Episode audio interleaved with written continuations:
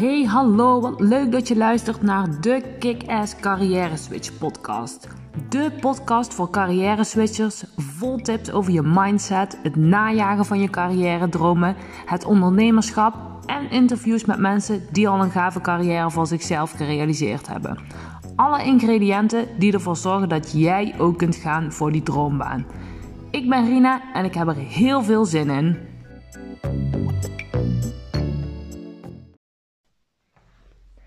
Heb jij ooit een peuter tegen zichzelf horen zeggen: Ja, wat zeur ik nou eigenlijk? Misschien moet ik gewoon genoegen nemen met een leuke hobby.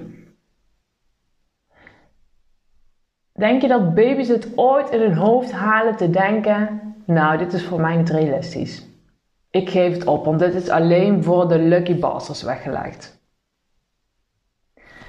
Heb jij ooit een peuter zichzelf horen afvragen: wie zit er nou op mij te wachten? Op het moment dat ik deze podcast opneem is het 6 oktober 2021 en mijn nichtje kan net lopen. En dat proces van leren lopen, dat inspireerde mij om deze podcast op te nemen. Het beeldje is zo'n jong kind in dat leert lopen. Heb jij zo'n kind ooit zien opgeven? Ik heb mijn nichtje echt geen één keer zien opgeven. Heb je ooit zo'n kind na de honderdste struikelpartij horen zeggen: Ja, zie je wel, lukt niet. Ik val steeds en ik leer het nooit, laat maar. Heb je zo'n kind ooit horen zeggen: Straks zal iedereen wel denken: Ik val steeds en ik sta echt voor aap. Zo neemt dadelijk niemand me meer serieus. Het moet in één keer perfect. Nee, natuurlijk niet. Als je baby's en kleine peuters observeert, dan hebben ze allemaal één ding gemeen. Ze hebben geen beeld van zichzelf. Dus ook niet in negatieve of afwijzende zin. Hun gedrag is compleet ongeremd en super spontaan. Als ze boos zijn, dan schreeuwen ze. Als ze honger hebben, dan huilen ze. Als ze moeten poepen of plassen, dan laten ze het lopen. Als ze blij zijn, dan schateren ze het uit van plezier. Ze volgen de hele dag hun nieuwsgierigheid en doen precies waar ze zin in hebben. En dat laatste punt, precies doen waar ze zin in hebben, dat is vaak een uitdaging voor de ouders. Want die willen natuurlijk helemaal niet dat een kind zijn vingers in het stopcontact steekt. Of lekker een hap zand uit de zandbak proeft. Daar begint dus het eigenlijke opvoeden. vanaf dit punt doen de ouders pogingen om het kind bepaalde dingen te leren en nou, vooral ook andere dingen af te leren. Allemaal in het toekomstige belang van het kind. Vanaf hier gaan kinderen voor het eerst ervaren dat het niet meer onvoorwaardelijk geprezen, bewonderd, gekoesterd en verzorgd wordt. Boterham opeten is applaus krijgen, maar het pertinent weigeren daarvan is de bezorgdheid van mams voelen. En poepen in het potje is een sticker krijgen. Het op de muur uitsmeren zorgt voor op zijn minst voor lichte irritatie. En er is niks fout aan, hè? Laat, ik daar, laat ik dat voorop stellen. Want het is namelijk supergoed dat ouders steeds meer grenzen gaan stellen aan het gedrag van een kind. Want als ouders dat niet doen, nou ja, we kunnen ons allemaal wel voorstellen wat er dan gebeurt. Het is aan de ene kant dus supergoed dat kinderen leren wat grenzen zijn, dat ze leren wat veilig is en wat niet. En wat wenselijk is en wat niet. Want dat is een heel normaal ontwikkelingsproces en ook nodig om uiteindelijk mee te kunnen in de maatschappij. En tegelijkertijd kan dit proces voor kinderen met mega angsten gepaard gaan. En laat me aan je uitleggen hoe dit komt. De eerste momenten van zelfbewustzijn bij een kind ontstaan namelijk in deze fase. Door het beëindigen van de voor het kind vanzelfsprekende totale aanvaarding door de ouders. En door het beginnen met afwijzen en corrigeren van niet gewenst gedrag. Als, je, als kind leer je in deze fase voor het eerst dat je niet goed genoeg bent zoals je bent. Maar dat je eerst moet voldoen aan bepaalde voorwaarden om je goed of gewenst te mogen voelen. En alle diepe gevoelens van onzekerheid, van afhankelijkheid, van angst voor afwijzing of om er niet bij te horen, angst om niet goed genoeg te zijn, angst om te falen, die vinden hun oorsprong in deze begintijd van je opvoeding. En wat ook oorsprong vindt in deze begintijd van je opvoeding is het dag in en dag uit vinden van oplossingen en strategieën om deze vervelende gevoelens te voorkomen. En een van de meest voorkomende strategieën is vermijden of onderdrukken. Laat me een voorbeeld geven. Als jouw ouders pas hun huis verbouwd hebben, voor 5000 euro schilder hebben laten komen, en ik weet nog niet eens of het tegenwoordig nog wat kan voor dat bedrag. Ehm, en jij denkt vervolgens als klein spontaan kind, nou dat kan ik ook. Dit kan beter met mijn glittervingerverf. Laat ik ook eens een bijdrage leveren. Verrassing, pap en mam. En jouw spontane bijdrage wordt vervolgens niet gewaardeerd zoals je had gehoopt.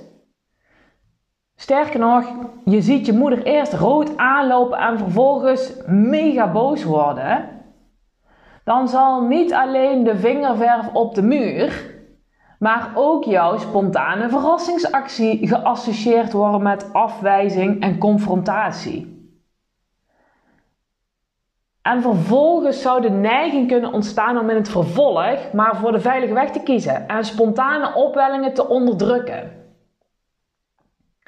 En nou zorgt één situatie er niet voor dat je een bepaalde strategie ontwikkelt. Vaak gebeuren er meerdere dingen achter elkaar die tot dezelfde conclusie leiden. Bijvoorbeeld de conclusie: oké, ik moet niks spontaan doen, want dat zorgt voor afwijzing of dat zorgt voor boosheid of voor ruzie. Waardoor je uiteindelijk de strategie ontwikkelt om niet meer spontaan te zijn. Of om eerst heel lang na te denken voordat je uiteindelijk iets gaat doen. Bijvoorbeeld. En zo hebben we allemaal van die vaak onbewust ingesleten patronen en strategieën ontwikkeld. Iedereen heeft dat. En dat is precies de reden waarom ik met al mijn klanten kijk naar hun patronen en strategieën. Tijdens de eerste sessie met klanten kijk ik altijd naar: oké, wat zeg je tegen jezelf? Hoe denk je over jezelf? Hoe, wat zijn de meest, uh, meest mooie momenten in je leven, maar wat zijn ook momenten wanneer het minder goed met je ging? En wat is dan jouw gebruikelijke reactie? We kijken samen naar alle beperkende overtuigingen en alle beren op de weg. Want je kunt wel een fantastisch mooi plan maken om je carrière te gaan realiseren. Of je kunt wel een super gaaf bedrijfsidee hebben en daar een stappenplan voor maken. Maar als je niks doet met die overtuigingen en die ingesleten patronen en strategieën, dan gaat dat plan niet voor je werken. Want jouw brein heeft de primaire functie om jou te behoeden voor gevaar. En onze allereerste neiging is toch ja, vervelende gevoelens willen voorkomen. Niemand wil zich rot voelen, of niemand wil zich afgewezen voelen, of niemand wil zich oncomfortabel voelen. En vaak voelt de angst voor het onbekende en de angst om te falen of de angst om afgewezen te worden erger dan de rotbaan waar je nu in zit. En wat is dan vaak het gevolg? Niks doen. Vermijden. Herken je dat? Ik ben heel benieuwd.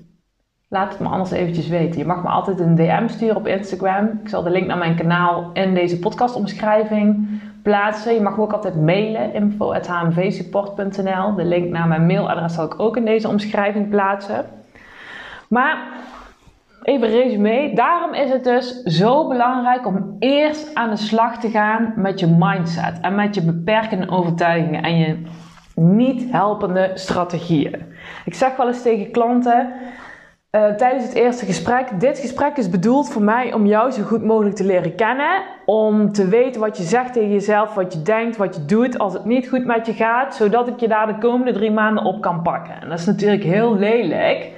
Maar door iemand zo goed te leren kennen, kan ik wel zien in de begeleiding die daarop volgt, wanneer iemand zichzelf aan het saboteren is. Want dat willen we nou juist doorbreken. En achter die beperkende overtuigingen komen of die niet helpende strategieën uitpluizen, daar kun je al heel effectief achter komen door middel van gesprekken en oefeningen, wat een standaard onderdeel is van mijn coachtrajecten. Um, en het kan nog effectiever door middel van hypnose.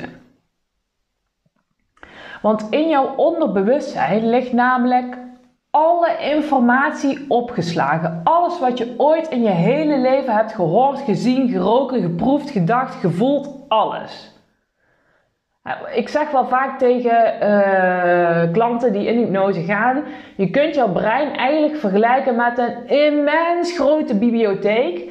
Met allemaal laadjes, echt miljarden laadjes. En in al die laadjes zit elke herinnering die je in je hele leven hebt gehad, elke gedachte, alles wat ooit tegen je is gezegd, uh, wat je ooit hebt gedaan, wat je ooit hebt geroken, elke sensatie ligt daarin opgeslagen.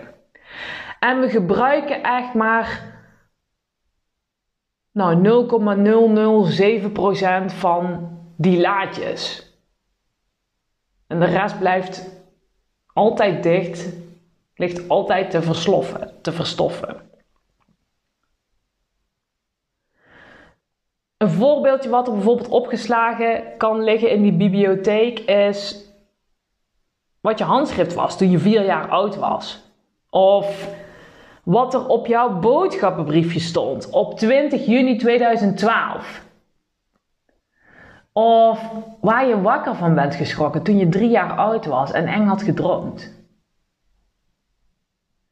En al die dingen die kun je met je normale bewustzijn niet meer herinneren. Maar dat betekent niet dat die informatie weg is. Nee, want die, die bibliotheek die is er. Die laadjes die zijn er. Alle informatie ligt daar opgeslagen. En je kunt dus wel voorstellen wat voor schat aan data er in jouw onderbewustzijn opgeslagen ligt.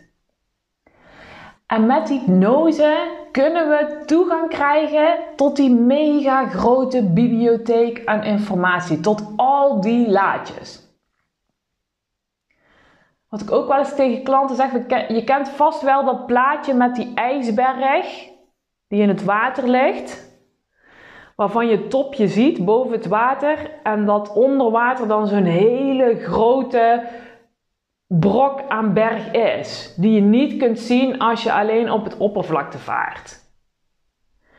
Wat je met hypnose eigenlijk doet is een duik nemen in dat ijskoude water, zodat je ook die grote brok aan ijsberg aan de onderkant ziet.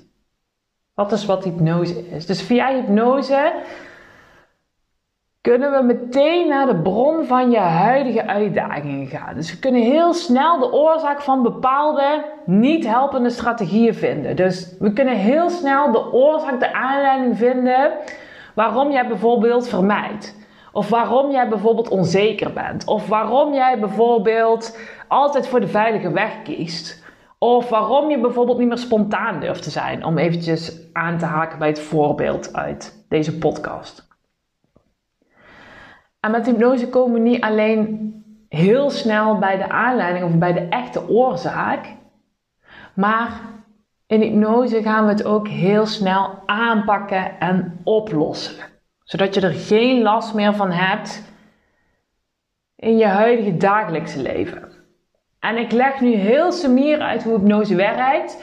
Um, maar mocht je interesse hebben in hoe dat nou precies werkt, luister dan even podcast aflevering 14, waarin ik uitgebreid uitleg uh, geef over de werking van hypnose, wat hypnose ook niet is, want er, er zijn heel veel misvattingen over. Uh, ik geef uitleg over het brein in deze aflevering. Dus mocht je dat interessant vinden, luister even aflevering 14 terug. Ehm, en mocht je denken, nou ik ben heel benieuwd of hypnose iets voor mij kan betekenen. Ik heb hier interesse in. Stuur me dan even een DM op Instagram of stuur me even een mailtje. Ik ben sowieso heel benieuwd wat deze podcastaflevering met je heeft gedaan of voor je heeft gedaan. En als je tot hier hebt geluisterd, en dat heb je, want anders zou je dit nu niet horen, dan wil ik je ook heel graag bedanken voor jouw commitment. En voor jouw uh, interesse. Ik ben heel dankbaar dat je er bent en dat je luistert naar mijn podcast. En dat vind ik belangrijk om eventjes te zeggen. Oké, dat was hem weer.